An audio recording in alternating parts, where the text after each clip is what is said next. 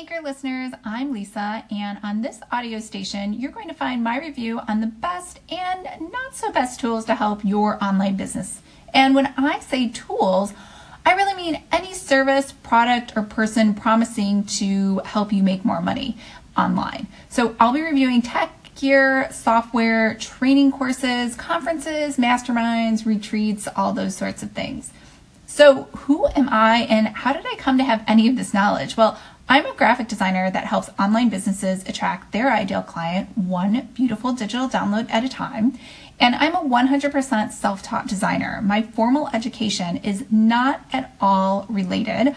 I have a bachelor's in history and computer science and an MBA, but I really wanted to make this online business work. And along the way, I tried to absorb as much knowledge and information as possible and research pretty much everything out there.